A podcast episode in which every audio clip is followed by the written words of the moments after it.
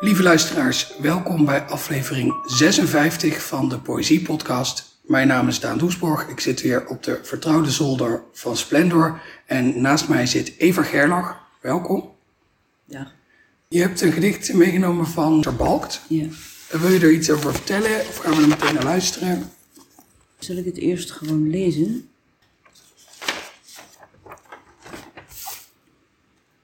Zij draagt een glas water de trap op voor Wilhelmina Wijbranda. Regenbogen verdringen zich voor het raam. Zeeën verdringen zich onder haar voet. Zij draagt een glas water de trap op. In haar glas boeketten papaver, gouden korenvelden, sterren van het speenkruid, stuivende avonden en dorpen als sneeuw vlokkend in het glas dat zij de trap opdraagt. Het is de grote trap van de stilte naar de stilte, het is de eindigende trap. Wintercircussen en demonen gaan weg bij de rand van haar glas. Zij draagt dapper haar groot glas water. Luister toe, in haar Bermuda-driehoek willen vliegtuigen en snelle schepen neerstorten en stranden. Aan haar glas willen lippen vastkleven, geesten, drinkend en roepend, daar is de zee, de zee. Vier straatwegen gluren door het sleutelgat. Zij draagt haar glas water de treden op. Het is water dat als helder licht straalt, zomerwegen, steden, gebergten in haar glas. De balken van het huis omkaderen haar. Laaiend oud water op zeilschepen zingt van liefde, zij is de liefde. De trap is van geruchten en breekt bijna, knapperig als de takjes van de gedachten, maar zij draagt sierlijk haar glas water. Alle trappen willen naar het luide vuur, de huizen willen heimelijk naar de kolk waar ook schepen en vliegtuigen eindigen. Zij echter draagt haar glas helder water. Ze draagt haar glas de asvlokkige trap op en zeeën kabbelen diep onder haar voet. Dankjewel. Waarom heb je juist dit gedicht gekozen om hier te lezen vandaag? Ik vind dit een geweldig mooi gedicht. Ik hou erg veel van Terbalkt. Dat staat voorop dan. En Terbalkt is, is niet iemand van de stasis eigenlijk, van de stilte. Het is een opstandige dichter. Hij maakt veel lawaai vaak ook. Hij kon prachtig met zijn grote stem zijn gedichten voordragen. Het is eh, een dichter waarin alles samenkomt. Maar dit is dus een, een heel stil gedicht waarin overigens ook, ook echt alles samenkomt. Alle, alles wat je kunt bedenken feitelijk aan kosmos en menselijkheid. En, eh, komt samen in die vrouw die daar voorzichtig dat grote, breekbare, uh, overvloeiende glas water de trap opdraagt. En het uiteenvallen van de werkelijkheid, wat aan één stuk door gebeurt, dat, dat stopt. Zij loopt die trap op en zij loopt die trap op. En, dat gaat uh, goed. Ik vind het een wonderbaarlijk gedicht. Ja, het is echt. Uh, hij neemt een heel eenvoudig uh, alledaags beeld eigenlijk. Iemand loopt met een glas water de trap op en, en onder zijn vingers gebeuren er dan de meest, de meest wonderlijke dingen mee. Zoals het in de werkelijkheid ook gewoon echt al door is, natuurlijk. Ja, je, je voelt ook. Het kan, kan natuurlijk soms ook echt zo voelen dat als iemand die, die veel voor je betekent, iets, iets heel normaals doet, dat er dan dat inderdaad alle, alle registers uh, zich openen en, en uh, het, het begint te sneeuwen en uh, de, de, de zee die werpt zich aan. Alle, alle seizoenen komen voorbij en die planten ook. Alle soorten van gevoelens komen voorbij en ondergang en neerstorten. En, ze houdt dat allemaal door haar voorzichtige, sierlijke, zegt hij dan, bewegingen. Het is niet niks, een glas water de trap opdragen. Je hebt het net nog gedaan hier in, uh, in Splendor. Ja, er was een leuning. Ik weet niet of hier een leuning was, natuurlijk. Maar je krijgt de indruk dat ze met twee handen dat glas vasthoudt. En naar boven schrijft. Ja, en inderdaad wat je zegt, dat het glas ook net iets te vol is, maar het gaat toch goed. Ja. Nou ja, ik vind dit een prachtig gedicht. Ja, dat is Alles ook... eh, is, is schijnbaar in evenwicht. Terwijl het ieder moment eh, in elkaar kan donderen. Omdat je steeds op je hoede bent van, oh, wat, wat gaat het goed met dat glas Als ik water? ademhaal, dan valt er iets. Nee, maar de, de entropie houdt op, eventjes, of eventjes, zolang zij daar loopt. In elk geval, in dat glas water. Wat ik ook zo kunstig vind aan die gedichten van Terbalk, is dat hij de meest, de meest fantastische dingen kan laten gebeuren. Op, op een manier waardoor je dat vol, volslagen bereid bent om dat te aanvaarden. Dat, er, dat er ook dwars door de tijd heen eh, verdwenen gebouwen terugkeren. En, en, en nou ja, hij doet het vaker, dat er ineens allerlei weersomstandigheden opduiken of de, de seizoenen veranderen, maar wel ja, op een volslagen aanvaardbare manier. Ja, de gelijktijdigheid van alles, maar het hoofd en, en wat daarbuiten is, vallen dan heel makkelijk samen. En dat geeft ook huiveringwekkende resultaten bij hem vaak. Dingen uit de geschiedenis die nu spelen en omgekeerd. Alles wurmt zich in en door elkaar heen en komt ook wel als een grote vloedgolf eh, over alles heen opzetten. De magistrale dichter. Heb je hem ooit zien eh, voordragen? Ja, tot mijn, tot mijn grote genoegen heb ik eh, nog net, eh, eh, ik geloof, één of twee van zijn laatste optredens heb, ik, heb ik mee mogen maken, inderdaad. En, en ja, die poëzie wordt natuurlijk alleen nog maar indrukwekkender als je zijn indrukwekkende stem erbij hoort. En dan werd hij het podium opgeholpen. En hij zag heel slecht. En dan stond hij daar en dan, eh wauw.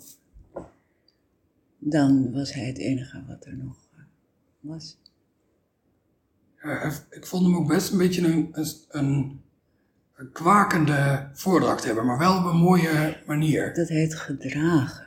Vond je hem kwaken? Ik vond dat hij een prachtige stem had. En dat hij prachtig in de breedte zich niet geneerde om alles uit een tekst te halen wat erin zat. Zonder dat je het idee kreeg van, wat zit deze man te schmieren of zo. Ja, oh nee, maar ik bedoelde ook echt, ehm, ik bedoelde het meer als in, in de klank van zijn, van zijn stem en ik, en ik vond het wel heel mooi. Ja. Ik zit in mijn geheugen terug te spoelen. Maar ik, ik geloof niet dat ik ooit gekwaak in zijn stem heb ontdekt. Ik, ja, nou ja, Wat zou. Ter Balk zeggen als hij nu tegenover je zat? Hij zou zwijgen en jou aankijken. Ja, nou ja, ik hoop, ik hoop wel dat hij zou begrijpen dat ik het oprecht eh, Oprecht kwaken van. niet als een belediging eh, bedoel. Hè, kwaken, dat klinkt natuurlijk ook alsof het een beetje zinloos gesnater is, maar dat, dat bedoel ik Oh helemaal ja, nee, dat zeg je toch tegen iemand, man, wat zit je daar te kwaken? Ja, dat klopt, ja. ja of is- hij heeft een kwaakstemmetje. Er zijn sommige politici waarvan je dat kan zeggen. Dat is geen Ja. compliment. Nee, zeker niet. Nee, maar, maar nou ja, goed. Misschien, ja, het is, het is misschien om, vanwege de connotaties die het heeft niet het juiste woord. Maar voor mijn gevoel is dat wel de meest adequate omschrijving van, eh, Je bedoelt de borstkas echt vol openzetten. ja, misschien is dat het. Zo, zo, ja, kijk, het is natuurlijk ook nooit, een, eh, zie het niet als compliment om iemand bijvoorbeeld met een kikker te vergelijken. Terwijl kikkers natuurlijk wel bij uitstek indrukwekkende stemgebruikers zijn. Dat is wel waar hoor. Als je in de, in de juiste tijd, als ze bezig zijn indruk te maken. En vooral bepaalde soorten kikkers. Die je in de tropen hebt of in sommige delen van Frankrijk. Dat is echt magistraal inderdaad. Dat gaat eh, dorpen ver. Ja, er komt een gigantisch geluid uit een heel Dat klein beest. Oké, het was ook geen klein beest ook. Nee, dat ook niet, inderdaad. Oké, mijn, mijn pogingen om eh, de loftrompet van de terbalk te, te steken, die zijn hier jammerlijk aan het sneuvelen. En ik hoop dat hij me ook begrijpt. Want eh, nee, ik, ik, ik denk dat eh, ik die, die paar voordrachten die ik van Terbalk eh, heb gehoord, wel echt een van de meest indrukwekkende vond die ik ooit gehoord heb. Zo zie je ook dat eigenlijk, ja, als je een gedicht van Terbalk leest, dan hoor je hem ook. Ja. ja. Als je Kouwen, heb je Kouwenaar wel eens horen lezen? Nee, die helaas niet. Dat zijn moeilijke gedichten, enzovoorts, enzovoorts. En als hij het las, klonk het volstrekt eh, eh, ja, begrijpelijk en logisch. En het zijn ook feitelijk niet zulke moeilijke gedichten als je denkt bij eerste lezing. Dus dat spoorde ook heel erg aan om, om nog een keer en anders te gaan lezen. Maar zoals hij daar stond en het voorlas, was het gewoon iets dat hij je vertelde over wat hij had gedacht of meegemaakt. In deze podcast is me dat ook wel eens overkomen, inderdaad. Dat ik een, van tevoren een gedicht las en dacht, oef, dit is wel een taai gedicht, hier word ik niet helemaal wijs uit. En iemand gaat zitten en, draagt het voor en ineens denk je, oh, hoe kon ik... Nee, leeft. Hoe, heb ik dat gedicht nou zo moeilijk kunnen doorgronden toen ik thuis zat? En dan blijft het ook. Het is niet, als je daarna weer thuis stil in je eentje leest, dan, dan blijft dat begrip blijft bestaan. Het is niet dat het dan ook weer, als de voordracht ophoudt, ook het, het begrip weer wächst. Het verandert iets. Ja. Een goede voordracht. Ja, daarom ga je naar poëzielezingen, toch eigenlijk? De hoop dat je eh, dicht, dichter, dichter bij het gedicht komt. Sorry, dat, is een, dat bedoelde ik niet. Nee, soms ontkom je er niet aan. Dat is de titel van een bloemlezing duidelijk. Ja. Slechte bloemlezing. Dichter toch zo'n vreselijk woord. Ja. Ze... Loodgieters en zo. Ja, dat is een, een beter woord, hè? Wie zou ik bellen als ik iets uh, te dicht heb? Een loodgieter, een tandarts. Ja. je moet het in zijn context zien, hè? Het komt van diekere. Dus zeggen, het is uh, voordragen. Het is uh, spreken zoals de God door je spreekt of zo. Dat, dat is een dichter zegt wat door hem heen waait. Ja, als, als, als dan, heeft, dan heeft het nog wat. In, in tongen sprekend uh, orakel. Het is ook een gek woord om op jezelf te plakken, vind ik altijd. Je is uh, niet zo snel. Wat doe jij voor de kost? Ik ben dichter. Nee, dat, dat durf ik ook niet. Zo overdreven meteen. Maar ja, het is wel uh, je beroep. tekstschrijver zeg. Het klinkt meteen veel, veel, veel uh, vertaler, veel eerbaarder. Je bent toch bezig met vertalen, dus je kan dat best, uh, kan het best zeggen. Ja, dat is waar. Ik bedoel, je vertaalt wat er uh, in je opkomt in, enzovoort. Ik zal nooit, nooit tegen iemand zeggen, ik, ik ben dichter. En kunt u daarvan rondkomen? Denk je dat Terbalkt ook, ook iemand is hij, is hij, is, hij, heeft een hele eigen stijl, hij is, hij is een indrukwekkende aanwezigheid op het papier en in het leven. Is het, is het ook iemand die. Um, was. Was, ja, dat is waar. dat geeft niet. Maar is het ook iemand uh, die je beïnvloed heeft als, als dichter? Of zit hij in zo'n eigen onaanraakbare wereld dat je er alleen maar in, in bewondering naar kan kijken, maar er niet dat vooral misschien, maar, maar en alles wat je leest, hoort, nou ja, alles wat je meemaakt heeft invloed op wat je schrijft. Maar toch ook wel in de zin van ge, ge, aangepord worden om de stem gewoon los te laten. Vrij uit te spreken of zoiets een ritme te laten komen zoals het komt. Wat hij toch op een, op een ook weer magistraal ingehouden en, en geconcerteerde manier deed natuurlijk. Ik bedoel, het is geen uh, onbeheerst schreeuwen wat hij doet. Het zijn, uh, zoals, zoals dit ook duidelijk een uitge, uitgemeten is niet het juiste woord, maar een, een uitgebalanceerd ritme heeft. Een stroverbouw die, die precies doet wat de bedoeling is. Hier de spanning opvoeren, daar een ander, precies steeds in drie regels. Met stiltes ertussen, de treden van de trap. Dus uh, het is een, een, een meester. Ja, dat zeker. Terbalk heeft in zijn, in zijn loopbaan heb ik zo'n soort ontwikkeling doorgemaakt van vrij losse verzen naar, naar eigenlijk steeds metrischer werk. En je hebt eigenlijk de omgekeerde ontwikkeling doorgemaakt, toch? Van vrij metrisch werk naar, naar steeds losser. Of, zeg ik nu iets dat helemaal niet? Nee, dat is wel zo. Het was uh, in het begin die, die. Ik was voor mijn gevoel bezig met dit te leren doen of zoiets. Ik wou het klein houden om het beheersbaar te houden. En er speelden toen allerlei uh, onplezierige dingen in mijn leven die, die spanning gaven. En uh, toen ontstonden die. Ik heb daarvoor echt ellenlange gedichten ook geschreven. En uiteraard in de stijl van Loetje Ber en weet je wel. Ik leerde Loetje Ber kennen toen ik veertien was. En dat was echt overweldigend en drong alles weg wat ik ooit gelezen had. Dus ik, ik uh, schreef allemaal van dat soort van dingen. En ik heb ook hele lange uh, lappen gedichten met historische achtergronden geschreven. En toen, in die periode waar ik het nu over heb, ontstonden die, die dingen die acht regels hebben in twee strofen van vier. Uh, wat ook echt overigens een, een praktische oorzaak had, want ik werkte in een bibliotheek waar ik me buitengewoon onprettig voelde, aan de catalogus. En dat ging dan nog op van die kaartjes met lijntjes, weet je wel, zo'n kaartje. En dan bovenaan een rood lijntje waarboven je dan weer de titel en zo. En er gingen precies vier regels onder het rode lijntje voor de titel. Gingen precies vier regels en dan één wit en dan weer vier. En dan onderaan nog één wit.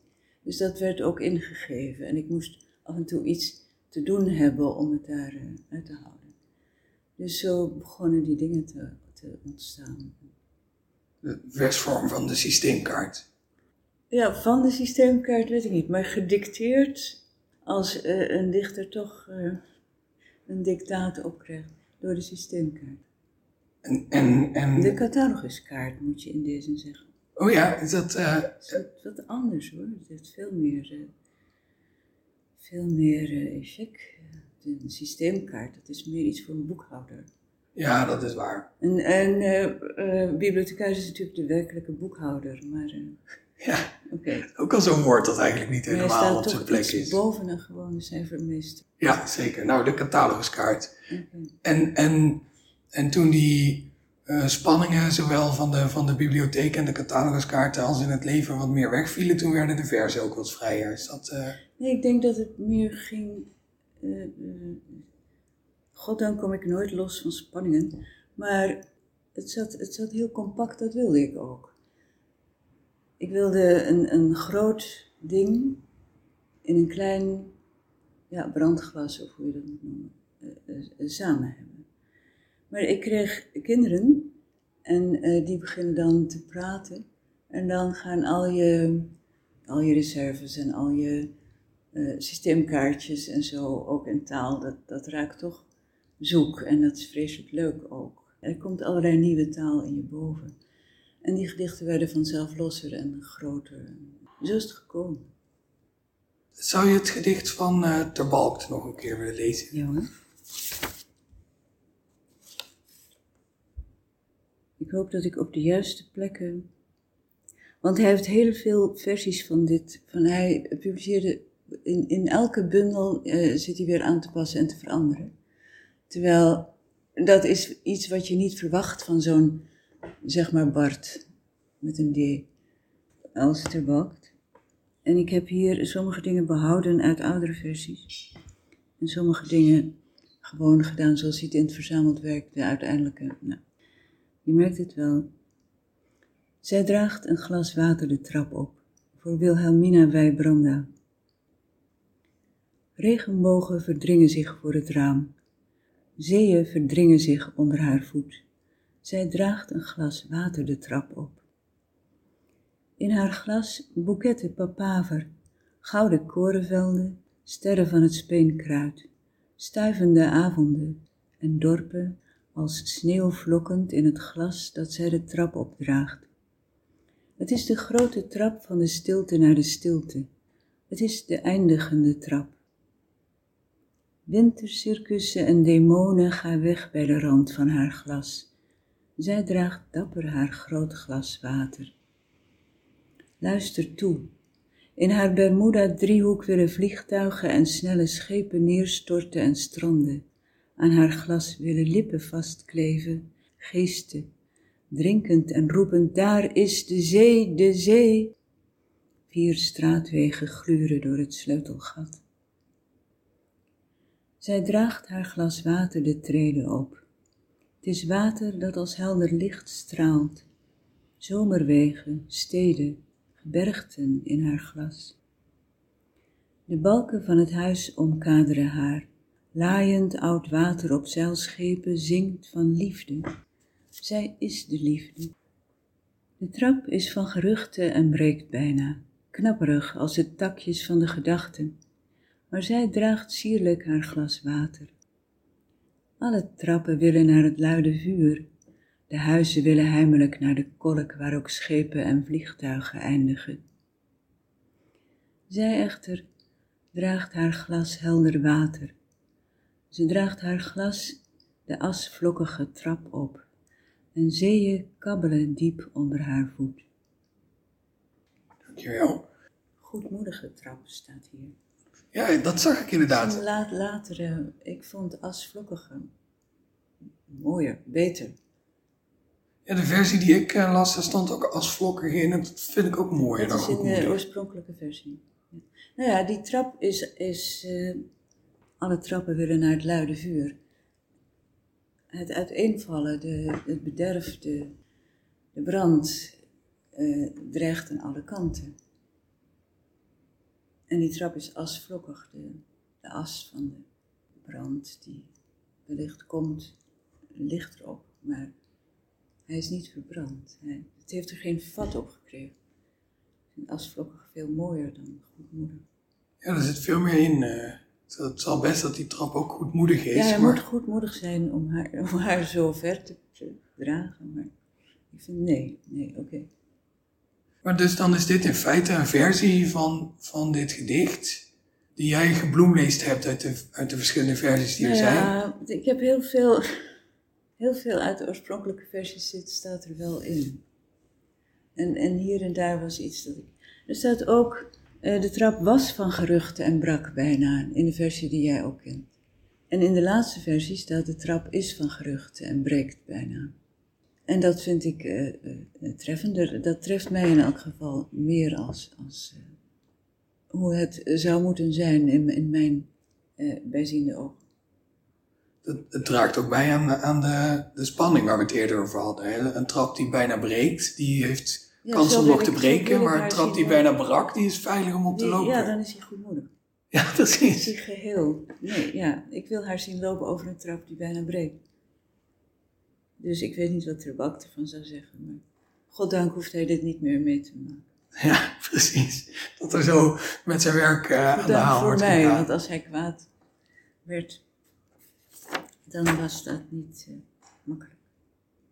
Nou, dan mag ik hopen dat hij inderdaad eh, geen aanstoot neemt aan mijn gestoethaspel eh, van daarnet.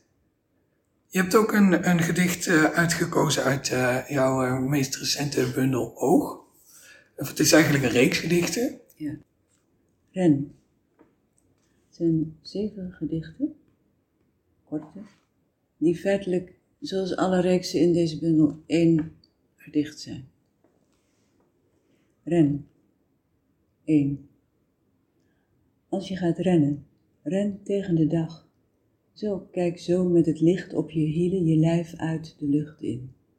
Zigzag je door gras naar waar je kunt omslaan, stil liggen, onzichtbaar rechtop staan in wie je was, waar. Let niet op je roggel, je bloedneus, het lekken, het scheuren van één voor één alle lichamen die uit je opkomen, ondergaan. Ren. 2. Vlies tussen af en aan. Hoe kom je erdoor? Maak je vaart, vlieg je los. Vertraag je, verlies je. Wat is je ruimte? Hoe zie je je speling? Het mogelijke neemt af alsof er maar een beperkte hoeveelheid van was. De trein schiet voorbij de renner, loopt in op zijn eigen geluid, perst het in elkaar, rekt het. 3. Als je niet verder kan, hartslag, blindslag, als je vuur haalt uit lucht, als je volslagen opengaat zonder meer lucht, als de armslag die je vingers pollepel stijf roeren in de dikke vochtige lucht, niet meer maakt dat je opengaat, als je adem zand maalt, ren dan achteruit. Zing dan. 4. Zing andersom even snel Nigge. Huppel achterwaarts links-rechts. Denk niet. Schop polsen uit oksels. Trap armen rond boven hoofd. Duik blind achteruit. Werk schouders door dit dat oor. Lach niet in de luchtspiegel. Val niet. Pen. Hoe je tranen spatten maakt geen verschil. Kijk, de weg. 5. Steek door je heen. Weg, weg. Rent uit je door naar hoe heet daar zo waar alles oplost. Schaduwen naalddun, rekken je richting. Springen per oogopslag op lichtere voeten. Begin smelt naar de afslag in je terug. Lichaam opgelost achter je zoek. Nergens zo snel, leeg uitgelopen spoor. Buiten zichzelf. 6. Als je gaat rennen, je haar laat los en je voorhoofd waait af. En waar je was, is waar je bent nu, nu, nu. En je haalt je lichaam uit zijn holte en het komt uit wat je dacht dat het was. En je laat het los. En de vorm van je lichaam in je is niets. En het past je. Het past je nog steeds. 7. Sluit nu je huis af. Hoe lang nog heb je de sleutel? Kijk je je raam aan. Je adem op glas, hoe die uitloopt. Nu? Vergeet het, hier waar je dadelijk weer de vraag bent. Sleutel draait lichter dan zin. Jij en jij en wat je niet ziet. Haal dat in. Dankjewel. Waarom heb jij juist deze reeks gekozen uit, uh, uit de bundel? Omdat hier het grote uit elkaar gaan mm, echt begint in deze bundel. De, de orkaanbundel. En omdat hier gerend wordt voor, voor de entropie uit, voor het totale uit elkaar vallen uit. En in het gedicht van Ter Balkt, zij die daar met haar glas water de trap op gaat, houdt de entropie weg. Die bestaat niet meer daar. Dat leek mij een goed samengaan van elementen. Ja, en hier, hier wordt dus voor de entropie uit weggevlucht. Uh, gerend, ja. Of gerend. Ja, ja, rennen hoeft natuurlijk niet per se vluchten voor, voor te te, zijn. blijven, ja. Ik, um, je zei al dat dus de reeksen in deze bundel uh, uit meerdere gedichten bestaan en tegelijkertijd ook elk één gedicht uh, vormen. In het bijzonder bij, bij deze reeks vond ik het ook wel toepasselijk dat dus vaak, um, je zou ook door kunnen lezen eigenlijk. Dus je rent als het ware van het ene gedicht het, uh, het andere in. Oh ja, dat zeg je ook, ja. Dat, ja, die, die hè, vaak dan, ja, het, het, het slot van het ene gedicht zou ook het, eigenlijk de eerste helft van de eerste zin van het andere gedicht uh, kunnen zijn. Ja, dat was ook, dat, dat is ook waar ik op uit was, ja. Het is een geheel in elk geval, waarin uh, naar adem uh, ge, gehaakt wordt. Uh, je vertelde net al over dus de, de orkaanstructuur en de, en de Fibonacci-reeks. Die, die reeks van Fibonacci die beschrijft allerlei vormen in de natuur, zoals je weet, die er al lang waren voordat mensen op het idee kwamen. Dat, die, die blijken dan volgens zo'n spiraalvorm, je weet wel, de zonnebloemzaden en zo. En ook de vorm van een orkaan. En een orkaan, orkanen is, is, is iets dat mij altijd al, vanaf ik klein was, heeft gefascineerd. Omdat er zo geweldig veel door uit elkaar gerukt wordt en dat ding raast maar door in het rond en komt dan weer. Dus toen ik dat uh, uh, ontdekte, toen kwam de idee op om dat op zo'n manier uh, te gebruiken als structuur voor iets waarover ik het altijd eigenlijk al wilde hebben. Maar dat ik lastig vond om, om het over te hebben. En het was makkelijker of zoiets. In elk geval, het lukte beter om het erover te hebben als ik deze structuren had. Maar dat vloeit dan voort uit. Ik, de, de gulden snede is iets wat je. Je weet, de gulden snede, die, die verhouding, die ideale verhouding van elementen in een geheel tot elkaar. Dat, dat heb ik altijd een mooi idee gevonden en met een zekere spot bekeken, want uh, ik heb meer met scheef dan met ideaal gevormde dingen. Maar ik kreeg uh, dus mijn eerste kind. En het was een lastige zwangerschap en het was ook een heel lastig kind en het huilde aan één stuk door. En het voelde zich duidelijk niet, het was zeven, acht weken te vroeg geboren. Kreeg je ze op een gegeven moment gewoon weer naar huis vanuit, die, vanuit het ziekenhuis en dan moet je het verder maar zien te redden. En het huilde aan één stuk door en ik was ook niet welkom bij dat kind, had ik het gevoel. En, en er was voornamelijk afstand en ik wist bij God niet hoe ik daar overheen moest komen. Als ik liedjes zong, dan wendde ze haar hoofd af. Dat idee. En uh, dus begonnen er op een gegeven moment gedichten uit mij naar voren te komen. Van acht regels weer. Maar ze hadden als gemeenschappelijk kenmerk dat, dat ze over haar gingen, of over onze relatie. En ze bestonden uit vijf regels, en dan wit, en dan drie regels. En de eerste en de laatste regel rijmden op elkaar. Dus daar was een omarming, en daar had je een groter element in de verhouding en een kleiner element, vijf en drie. Samen de som daarvan, acht en dat was een, boodschap kennelijk, die mij uh, vanuit iets in mij werd aangereikt. Uh, het, het kan wel.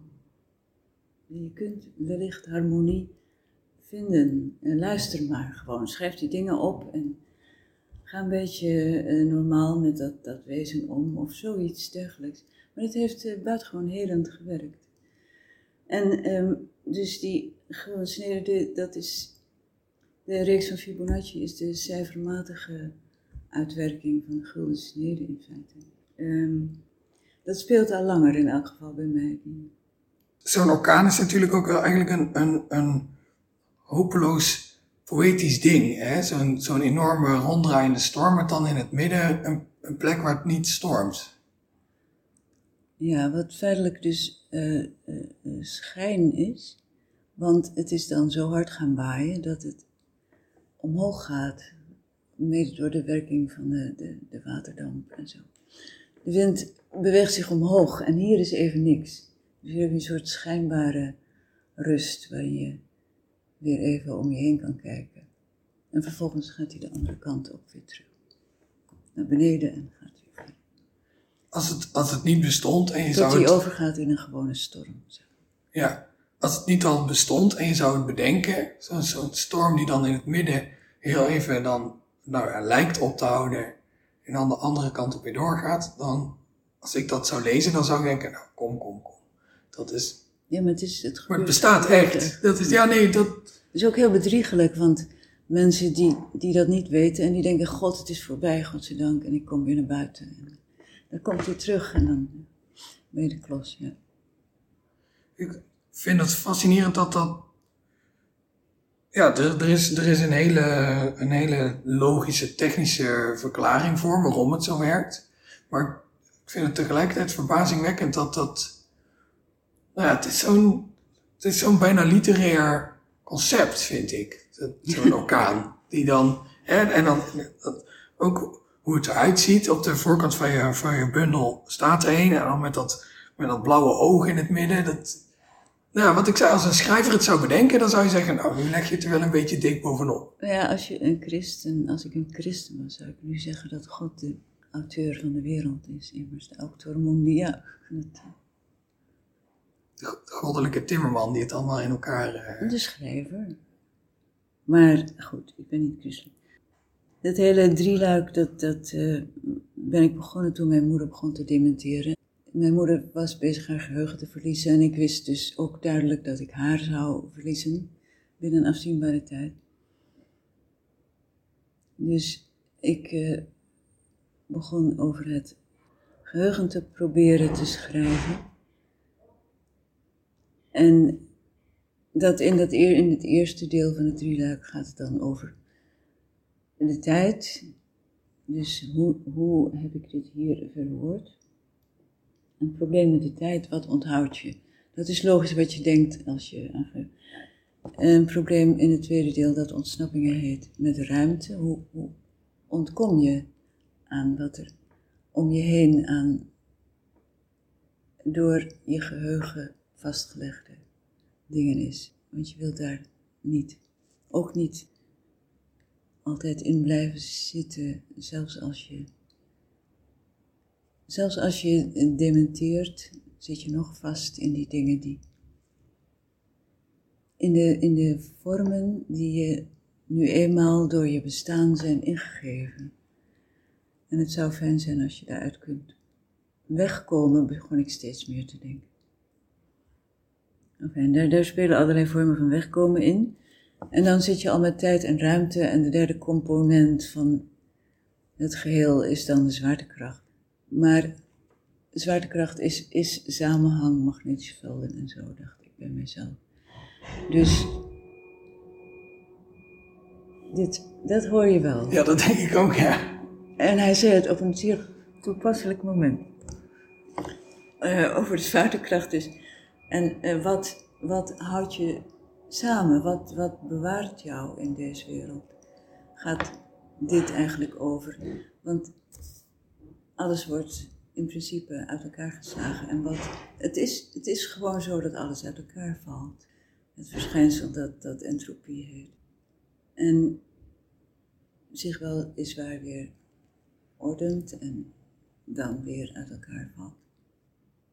Het verschijnsel van de orkaan, die dus alles omvergooit, heeft mij ook daarom, denk ik, altijd zo geboeid.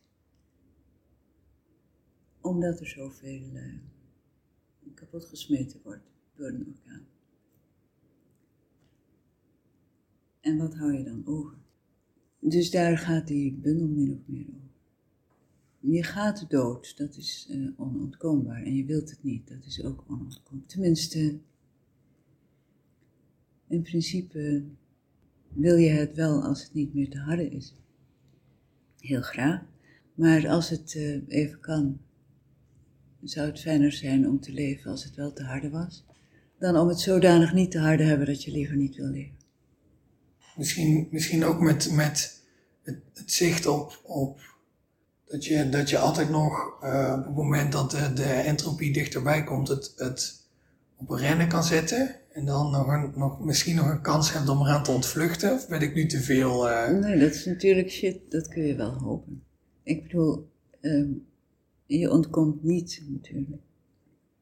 Nee, maar het is, het is wel aardig om in ieder geval aan jezelf te vertellen dat het misschien toch kan. Ja, ik weet het niet. In de bundel zijn af en toe punten van houvast, geloof ik. Er is een reeks die heet Iemand, waarin er steeds iemand is die zo de moeite waard lijkt om je aan vast te houden. Dat het, uh, dat het even stopt. Terwijl het in feite op volle klacht, volle klacht zeg ik, op volle kracht door raast van de iemand in het laatste gedicht, van die iemandreeks. Die iemand waaraan de, degene die praat zich vasthoudt, is uiterst dicht bij uh, het einde. Ik weet niet, zal ik uh, voor, voor uh, zal ik iemand nog lezen? De, ja, laatste, de laatste iemand. Het is nummer 5 in deze reeks, laatste, laatste van deze reeks.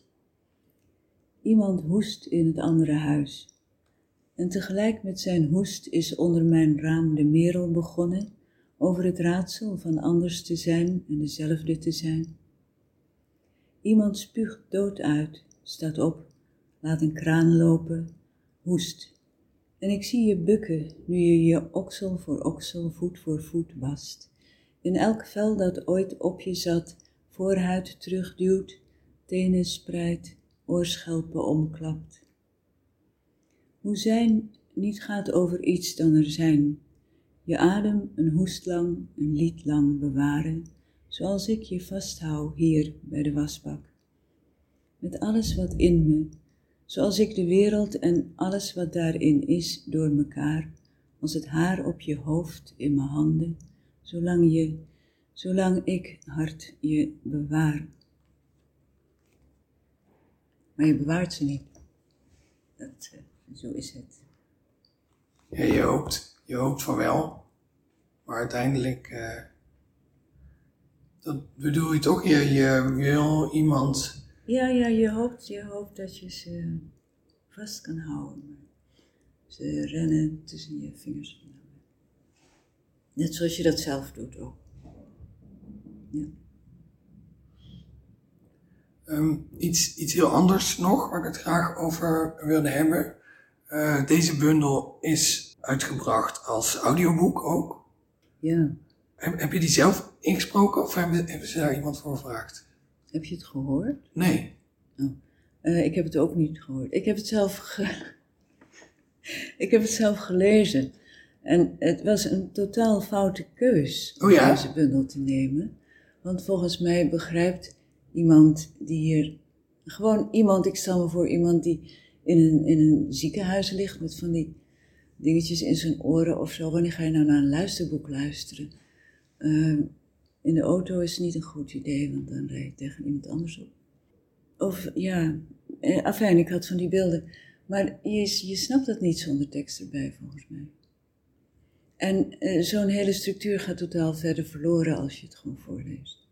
Dus mij leek een beter idee om uh, een aantal dingen die misschien de mensen uh, dichter op de huid kunnen komen, als een soort bloemlezingje bij elkaar te zetten.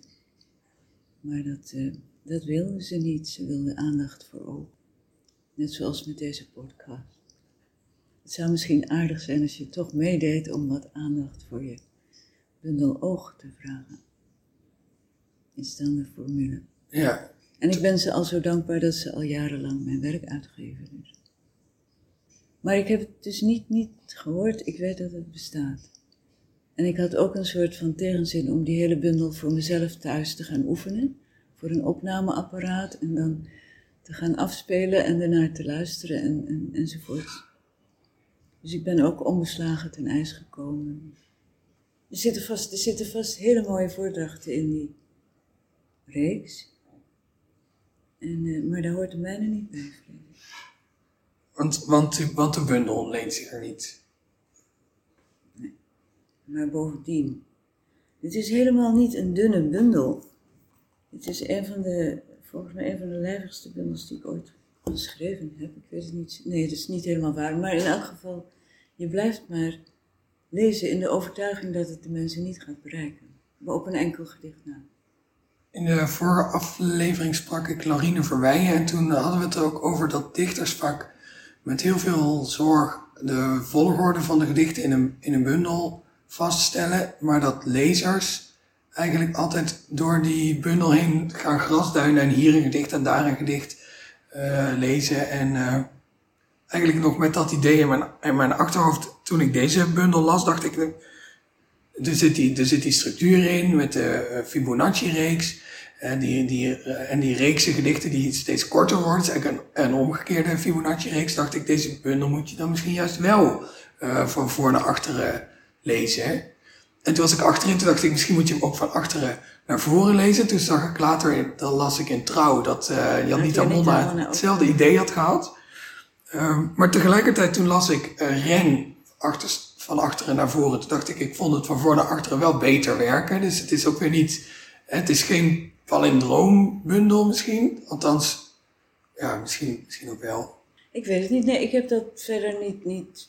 Ik schrijf heel weinig uh, hoe heet het, bewust uh, aan dingen. Als je ze ordent in reeksen, dan komt er natuurlijk iets meer bij. In principe komt er op wat er opkomt als ik schrijf. En daar kun je dan later nog een beetje aan gaan. Aan gaan ja, werken is niet, niet het juiste woord, vrees Dicht. Een recensent slaat misschien ook vaak snel een beetje aan het T9 interpreteren. Nee, maar ik lees altijd een bundel zoals jij beschreef, om te beginnen. Ik blader hem door en ik, ik, heb, uh, ik kijk of er iets is dat mij wat zegt. En als er genoeg dingen zijn die mij wat zeggen, dan ga ik bij het begin beginnen en een heleboel lezen. En als ik dan echt van begin naar eind uh, blijk te kunnen hebben gelezen, dan denk ik gewoon, dat is een goede dichter. Maar zou je dan bijvoorbeeld voor kunnen stellen dat een, dat een lezer misschien hier daar een gedicht en daar een gedicht en daar een gedicht leest, en dan vervolgens op dat punt aankomt dat je zegt van nou, dan ga ik die bundel van voor naar achteren lezen, maar dat, maar dat zo'n zo'n lezer dan zegt, oh maar, maar dan ga ik hem luisteren en dan, en, dan lees ik mee en dan, hè, dan hebben ze even Gerlach in hun oren die die bundel uh, voorleest en, dan, en dan, dat het dan misschien toch een toegevoegde waarde kan hebben? Ja, dat was het enige wat ik mij nog. daar klampte ik mij aan vast terwijl ik het voorlas. dat was mijn strohalm. De microfoon die. ja. Oké. Maar vind je het dan ook vervelend om je poëzie voor te lezen? Of, uh, of is het gewoon dat deze bundel en dit format uh, van zo'n van zo'n audioboek waar, waar je... Als je in een, in een publiek staat en je leest je gedichten voor, dan heb je van tevoren een keuze gemaakt van gedichten waarvan je denkt dat die een publiek kunnen bereiken. En als je een bundel maakt, dan zitten er dingen bij waarvan het niet dondert of ze het publiek zullen bereiken of niet. Ze moeten daar gewoon in. En hier, ik, ik kon ook feitelijk niks weglaten als ik een beetje trouw wou blijven aan de, aan de structuur die zich nu eenmaal aan mij had uh, voorgedaan als iets dat zo neergezet wou worden. Ik weet niet of deze grammaticale zin nog te volgen is. Hij is wel grammaticaal, maar niet te volgen, denk ik voorlezen kan, dat had ik in het begin niet door. Maar het, het is zelfs voor mij kennelijk niet helemaal onmogelijk om een publiek soms te bereiken, want je voelt dan iets naar je toe komen, waardoor je in verband staat met, met een geheel, wat mij helemaal niet zo vaak overkomt, dat ik dat gevoel heb. En dat, dat uh, geeft je wel iets. Hoe moet ik dat nou netjes zeggen? Waardoor je, waardoor je graag wilt lezen voor die mensen. En daarom dat je zegt, ik had liever een, een, een selectie gemaakt en die ingesproken. Zodat je dus ook die, bij die selectie kan kiezen van, nou, ik denk dat ik hiermee iets kan bereiken bij de luisteraar. En ik denk dat ik hiermee iets kan bereiken bij de luisteraar. Ja. Maar goed, de arbeiderspers heeft een fonds en die luisterboeken die willen ze koppelen aan hun fonds. Dat, uh, okay. En ren is dan een cyclus waarvan je denkt, nou, daar, daar kan een luisteraar wat mee als die. Misschien wel, ze volgen ook snel op elkaar. Ik bedoel, het loopt in elkaar door, dus je, eventueel als je dat na het eerste gedicht doorkrijgt, blijf je misschien luisteren. Hoe loopt dit af of zo zit ook nog zou je nog een keer de reeks Ren aan de luisteraars willen laten horen? Yes. Ren.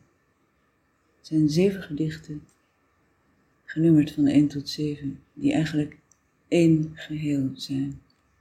Eén gedicht. Ren.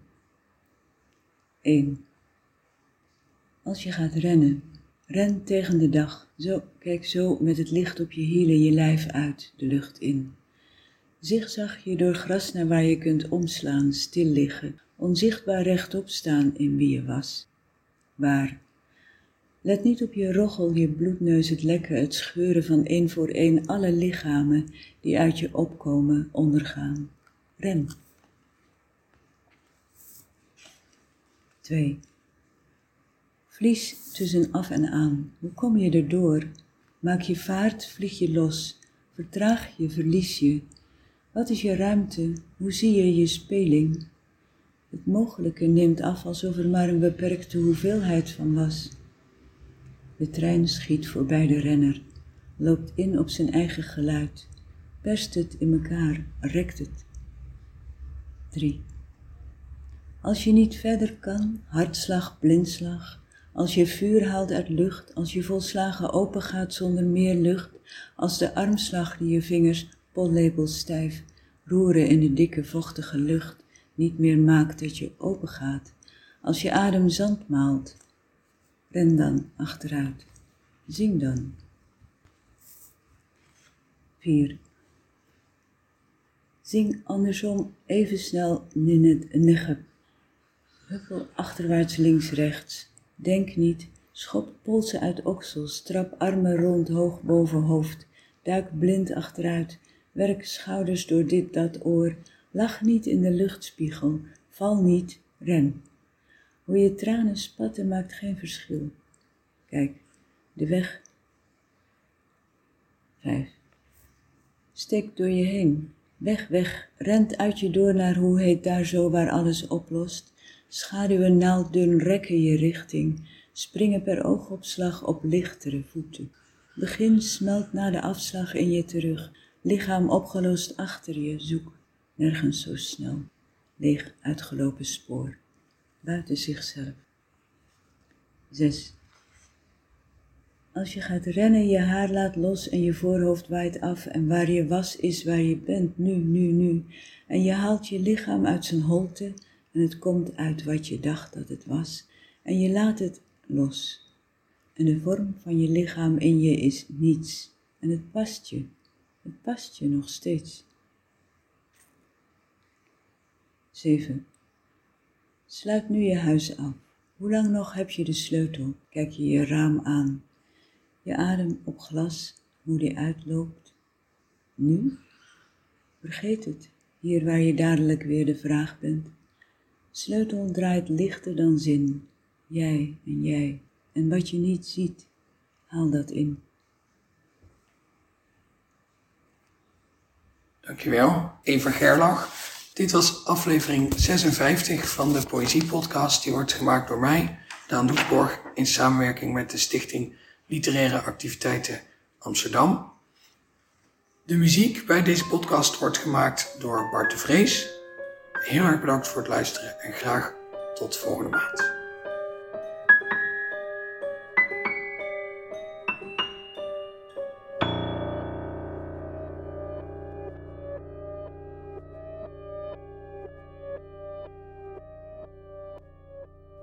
Je luisterde naar een aflevering van de Poëziepodcast.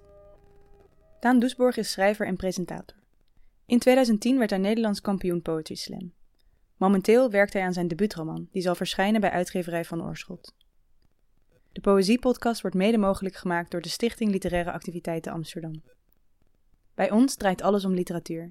We maken programma's voor de hele stad, online en offline. Al onze podcasts zijn ook te beluisteren via onze website www.sla.nl/slaakast.